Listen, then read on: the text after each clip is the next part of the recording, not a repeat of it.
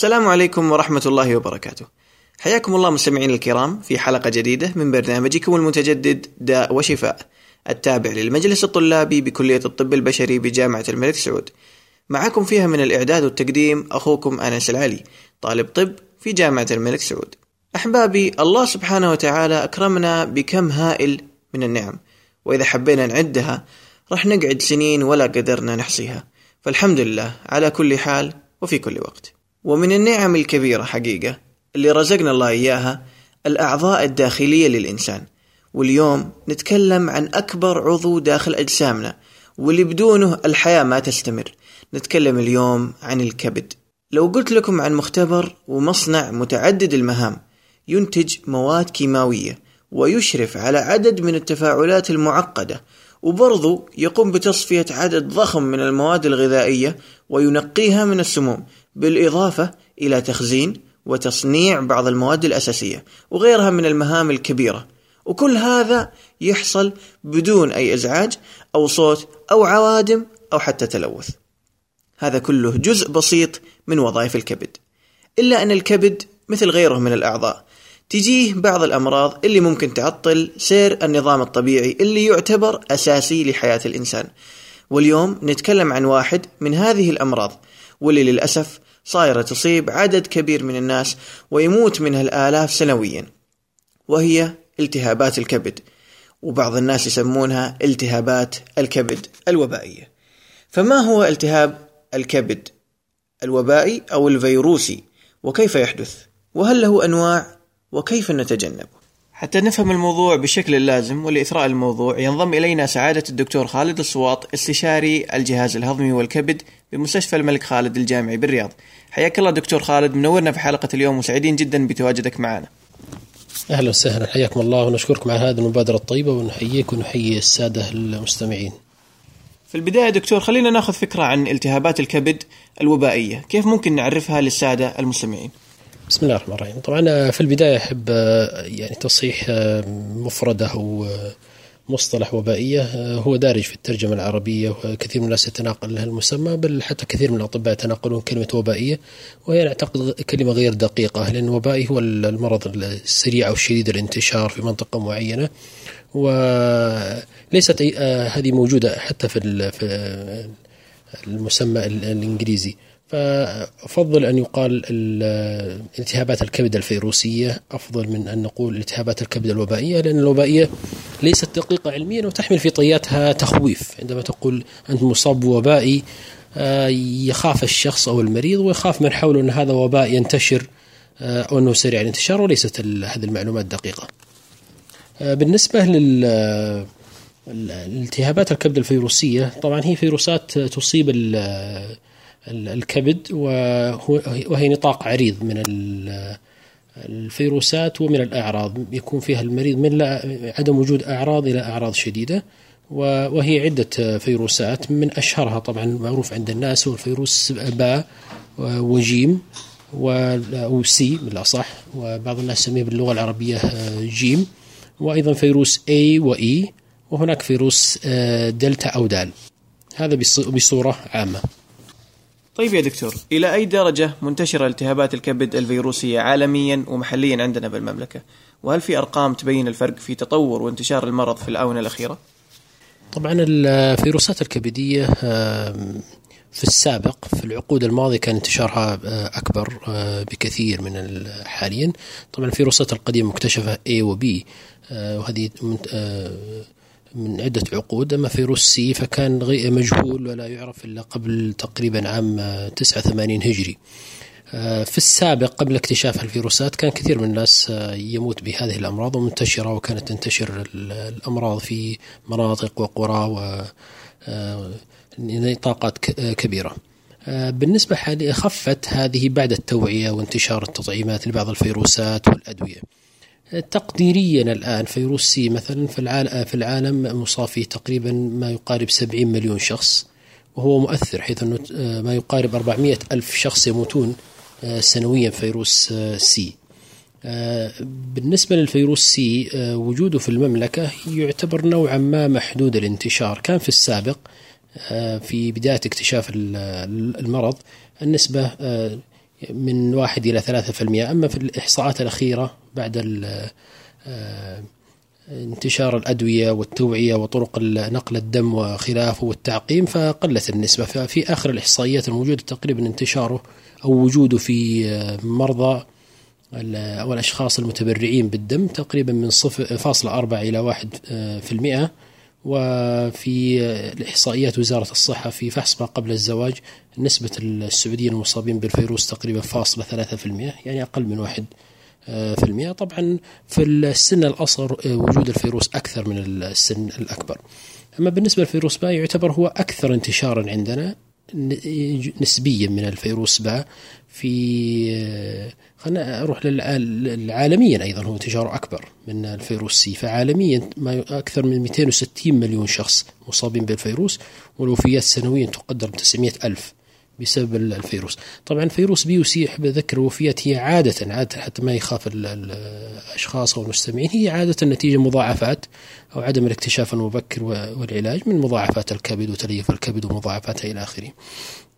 أما بالنسبة لوجود الفيروس بي في المملكة فالإحصائيات القديمة في بداية قبل تقريبا عقدين أو ثلاث عقود إن صح التعبير تقريبا قارب 30 سنة كان الفيروس تقريبا 7% وجوده في المجتمع يعتبر نوعا ما منتشر آه، في المجتمع بفضل الله سبحانه وتعالى ثم بإدخال وهذا منجز كبير حقيقة في الإجراءات التي اتخذت في البلد ووزارة الصحة اتخذته وهو تبني برنامج التطعيم آه، ومتابعة وملاحقة الأشخاص اللي فاتهم التطعيم قبل المدارس وأثناء الولادة. آه، انخفضت النسبة بصورة كبيرة جدا الآن تقارب واحد في المئة في في السعودية. طبعا النسبة أيضا تتفاوت. الأشخاص اللي يقل أعمارهم عن 15% تقريبا نسبة الفيروس من فاصلة خمسة إلى فاصلة ثمانية في المئة. عند الأكبر تقريبا واحد فاصلة ثلاثة في المئة. أما الأكبر سنا تصل النسبة إلى ستة في المئة ما ودنا نطول في الأرقام. فيروس A طبعا هو الفيروس سنتكلم عن لاحقا عن طرق الانتشار لكن بما أن نتكلم عن مدى الانتشار. فيروس آه، في الإحصائيات القديمة آه، اللي عملت كان تقريبا 80% من السعوديين تعرضوا سابقا. وجد مؤشر تعرض الفيروس آه، في المجتمع وكان الكبار السن والناس يعرفون إنه جاه الصفرة أو جاه صفار هذا غالبا غالبا هو فيروس A أما حاليا في النسبة قلت كثيرا في في آخر الدراسات تقريبا 18% نسبة انتشار مؤشر التعرض السابق لفيروس A طيب دكتور إيش طريقة حدوث المرض؟ يعني كيف تبدأ الحالة وتنتقل من شخص إلى شخص؟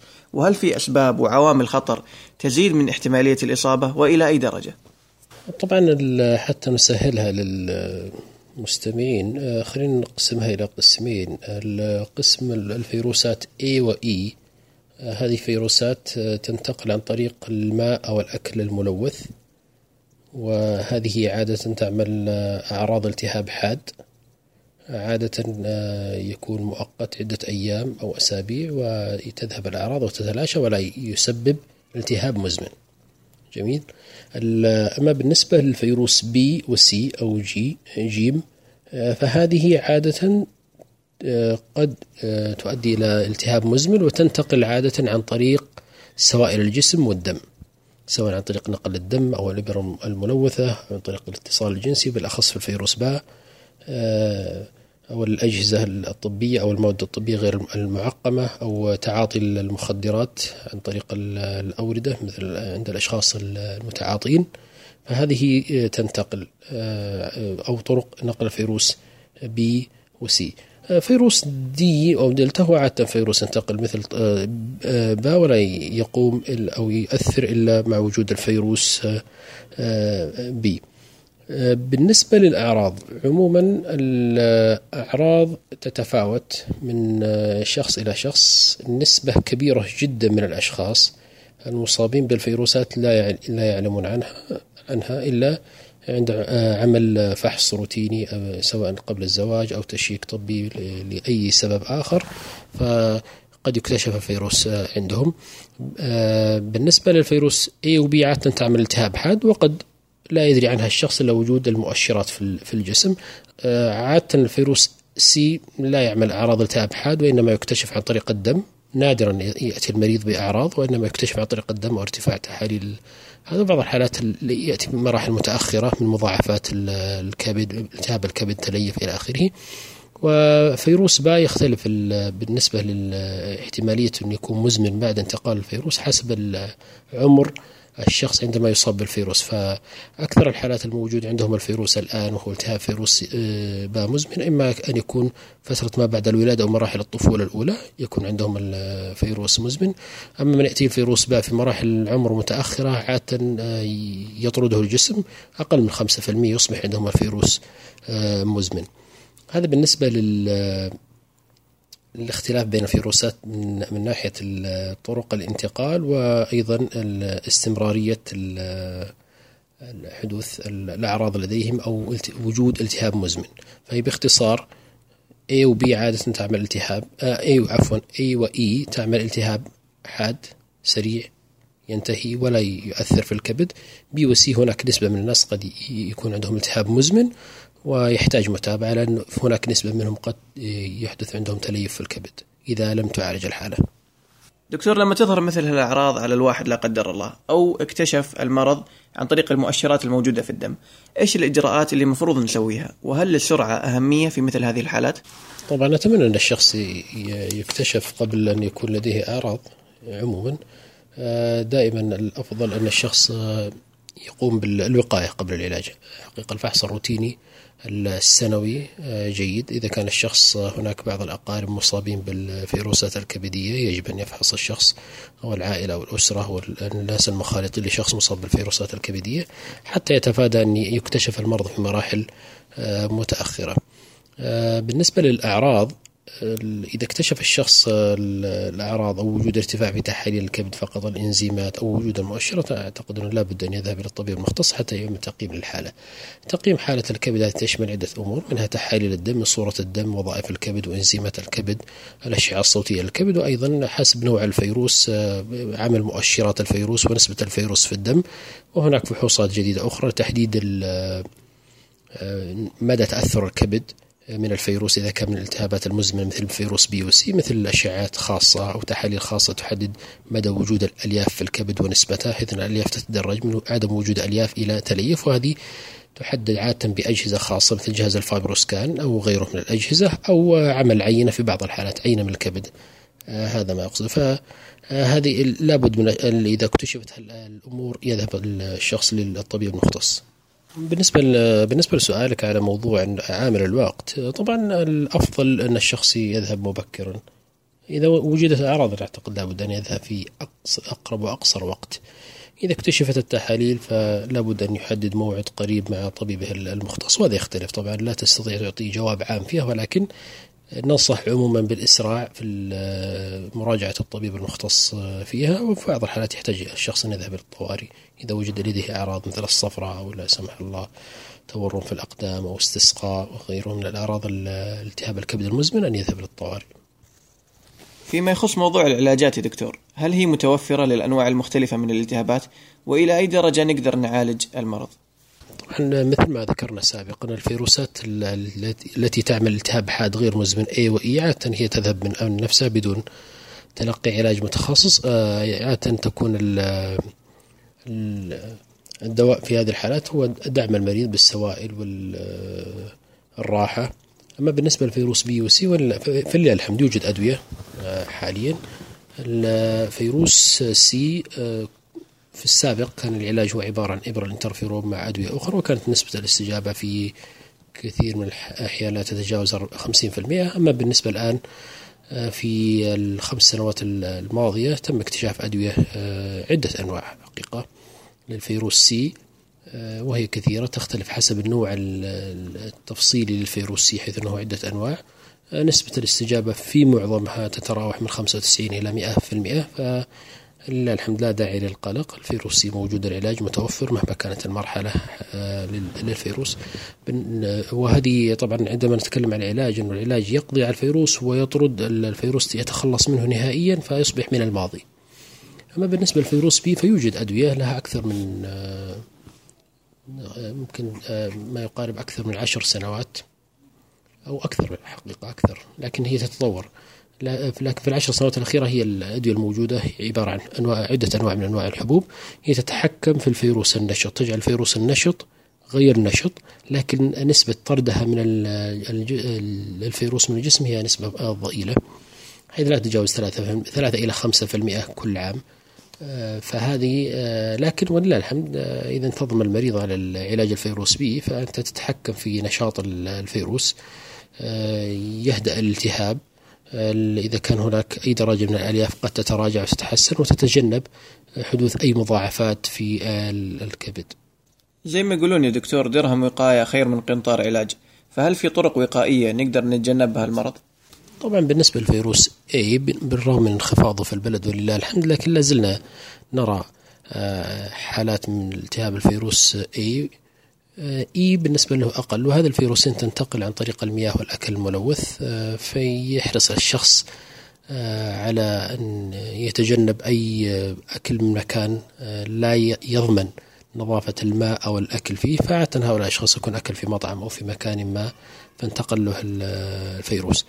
آه، بالنسبة للفيروس سي وبي هي عادة تنتقل عن طريق سوائل ودم الجسم الإنسان أيضا يحرص في هذه الحالات عند المخالطة للأشخاص عدم المساس بسوائل الجسم أو الدم سواء من العاملين في المجال الطبي أو الأشخاص المخالطين. طبعا آه، ودنا أيضا نضع آه، الأمور في حجمها. لا نبالغ في آه، أنه من هو عنده الفيروس فيروسات أنه معدي بمجرد المخالطة المعتادة. لا المخالطة المعتادة عادة لا تعمل انتقال للفيروس لكن الإنسان يتجنب سوائل الجسم والدم من بالذات في الجروح المفتوحة مع الأشخاص المصابين بالفيروسات الكبدية بي وسي. آه، في الجانب الاجتماعي يا دكتور هل الإصابة بالفيروسات أو بالتهابات الكبد الفيروسية يمنع من الزواج؟ وهل ينتقل إلى الأبناء؟ سؤال جميل جدا. آه، بالنسبة للفيروسات لا تمنع إطلاقا الزواج. آه، نأخذهم تفصيلا.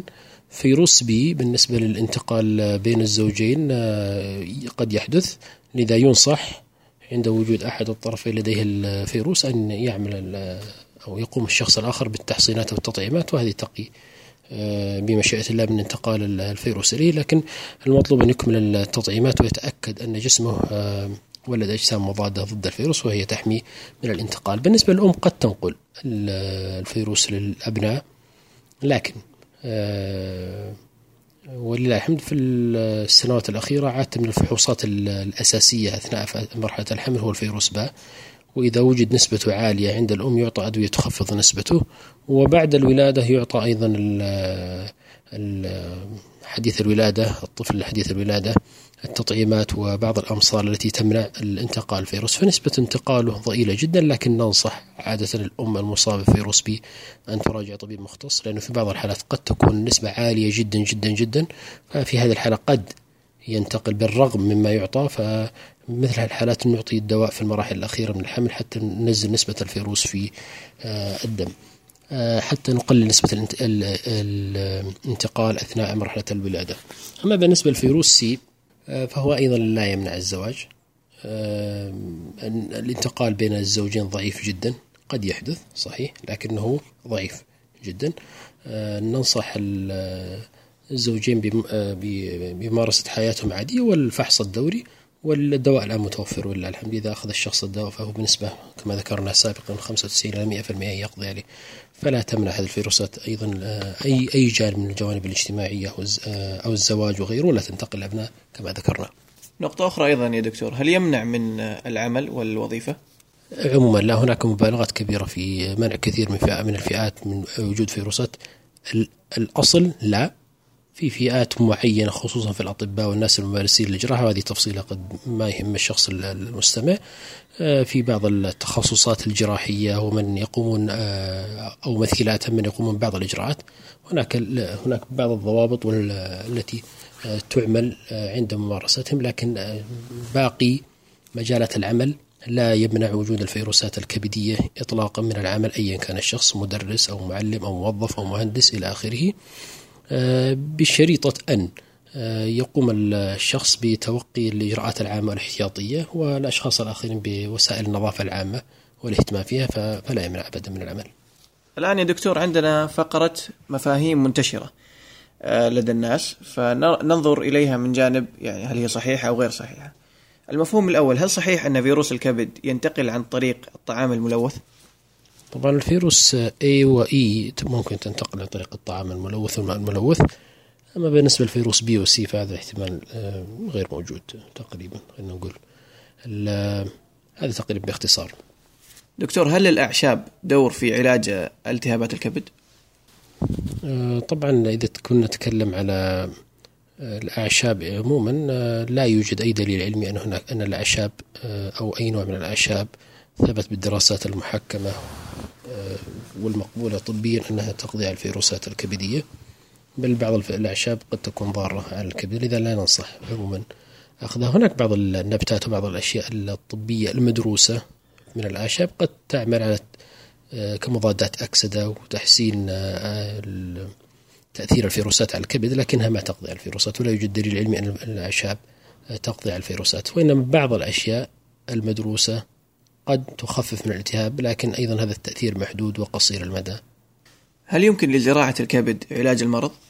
بالتأكيد طبعا زراعة الكبد ما يحتاجها كل شخص يحتاجها الشخص الذي وصل مراحل متأخرة ولا ينفع معه العلاج كما ذكرنا في البداية أنه إذا تم العلاج مبكرا فالمريض بمشيئة الله سبحانه وتعالى لن يصل إلى هذه المراحل. لكن يحدث بين الفينة والأخرى يتم اكتشاف الفيروس في مراحل متقدمة. لأول مرة يأتي الشخص ويكتشف أن الفيروس لكن قد تكون الكبد وصلت مراحل التليف واختلال في الوظائف. ففي هذه الحالات بالتأكيد الزراعة ناجحة بنسبة أكثر من 95% موجودة عدة آه، طرق للزراعة إما كبد كامل أو كبد جزئية من آه، شخص متبرع. فبالتأكيد الزراعة موجودة. فهذا أيضا يطمن الشخص أو من لديه قريب لديه تليف في الكبد مع اختلاف في الوظائف أن الزراعة ناجحة بنسبة كبيرة ولله الحمد هل صحيح أن المرض ينتشر وراثيا؟ طبعا كلمة وراثيا غير دقيقة لأن وراثيا يعني أن المرض يكون في جينات الشخص وينتقل للشخص الآخر لا ينتقل وراثيا لكن آه، قد ينتقل كما ذكرنا فيروس بي من الأم إلى الإبن وأيضا فيروس سي قد ينتقل آه، فهو انتقال آه، للفيروس وليس عن طريق الوراثة يعني الانتقال العدوى بالأصح وليس وراثيا يعطيك العافية دكتور. أعزائنا المستمعين في ختام هذه الحلقة نتقدم بالشكر الجزيل لسعادة الدكتور خالد على المشاركة المثرية. يعطيك العافية دكتور. شاكرين لتواجدك معنا اليوم. أهلا وسهلا. تشرفنا فيكم وشاكر لكم هالمبادرة المميزة للجان الطلابية. شكرا جزيلا لكم. والشكر موصول لكم مستمعينا الكرام على حسن المتابعة والإنصات. وللتواصل مع البرنامج وطرح الأسئلة على الإيميل داء شفاء at gmail.com داء شفاء d a a s h i faa at gmail.com وكذلك على تويتر المعرف at داء شفاء. D a a s h i f a a. شكرا لكم وفي أمان الله.